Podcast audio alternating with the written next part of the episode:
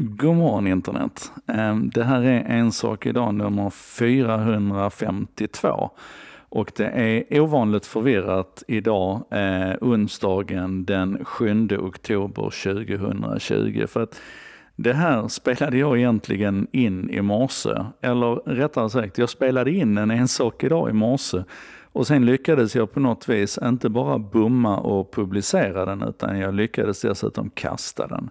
Vilket gör att det som jag hade tänkt prata om, det känns lite gammalt nu. Jag tror du har hört talas om det, men jag skiter faktiskt i det och pratar om det ändå för att jag tycker att man missar något centralt i hur det här rapporteras. Så det handlar naturligtvis om säkerhetshålet i det manliga kyskhetsbältet. Du måste ha läst om, om hur det här kinesiska företaget som heter, eh, nu ska vi se här, vi gör så här, de heter, ah, vad fan heter de? Här har jag det. Kiwi heter de. Det kinesiska företaget Kiwi har alltså tillverkat ett manligt kyskhästbälte som man kallar för Cellmate Chastity Cage. Och det här är nog inte som gamla tider, det ska nog inte betraktas som gamla tiders kyskhetsbälte, att du använder det här för att kontrollera att din partner inte är otrogen, utan det här är ju en, en sexleksak.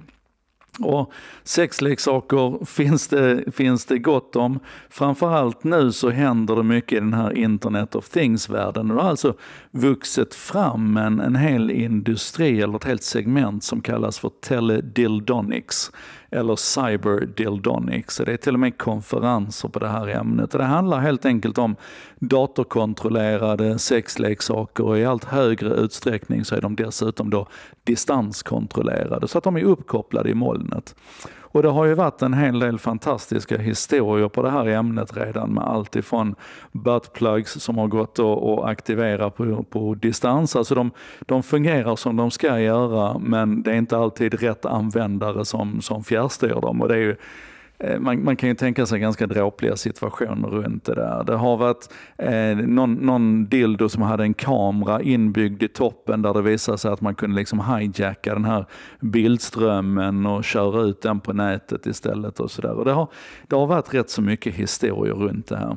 Och nu är det då det här kyskhetsbältet som och det, det, här är en stadig konstruktion, alltså det är en, en, en härdad stålring som du stoppar in pung och, och snopp, alltså hela apparaten träder igenom den här ringen och, och, sen så fäller du ner liksom en liten bur över själva paketet då, som gör att, att, det här, att, att det sitter på plats så att du inte kan bara liksom kränga av det. Det är fysiskt omöjligt att kränga av det.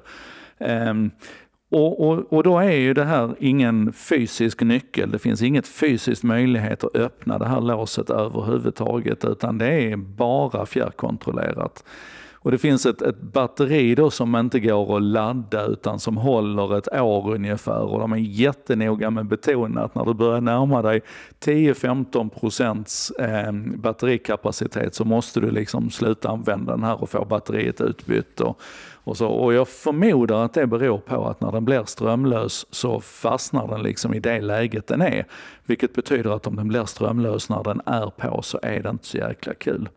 Och så jäkla kul är det ju naturligtvis inte heller om någon hackar den här så att din partner inte kan, kan låsa upp den utan den, den fortsätter att vara låst. För du kan ju själv tänka dig liksom att, försöka gå loss här med bågfil eller bultsax nere i det manliga paketet. Jag tror även att kvinnor kan föreställa sig att det är, ingen, det är inget drömscenario, det är ingen drömsituation. Och varför jag då tycker detta är, är, intressant, det är inte bara för den här, eller det är inte alls egentligen för den här hö-hö-effekten, även om det inte saknas potential för det.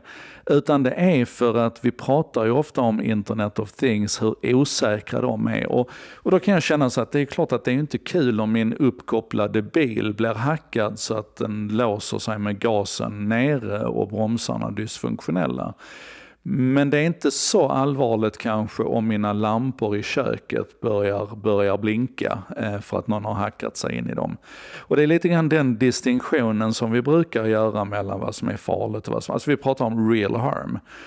Och då tror jag att det är svårt för oss mentalt att sätta oss i en situation där vi tänker att en, en sexleksak skulle vara någonting som kan medföra real harm om den blir hackad. Men här har vi faktiskt ett exempel på hur det skulle kunna se ut. Och jag tror det här är ett nyttigt exempel för att vi liksom, jag tror det är nyttigt med ett sånt här case för att vi ska börja fundera på att det som på ytan kanske inte ser så farligt ut i själva verket kan vara ganska risky. Men också för hur vi liksom ska bara tillåta oss att bli fascinerade över hur tekniken flyttar in på alla domäner, till och med i vårt sadomasochistiska, eh, ja, Nej, jag, jag, jag, äh, det, här är, det här är en makalös story på så många plan. Det är så många lager. Vi får, nog, vi får nog fortsätta plocka lager på den här löken ett tag till tror jag. För det är, ähm, ja, jag återkommer. Det här var i alla fall en sak idag, nummer 452. Osedvanligt förvirrad, osedvanligt försenad, osedvanligt duplicerad eftersom det är andra gången jag spelar in den. Och det vid det här laget dessutom är en gammal nyhet. Jag lovar och svär att göra bättre om ni dyker upp här imorgon, torsdag den 8 oktober. Ses vi då istället för en sak idag nummer 453. Nu går vi vidare. Vänder blad som någon sa.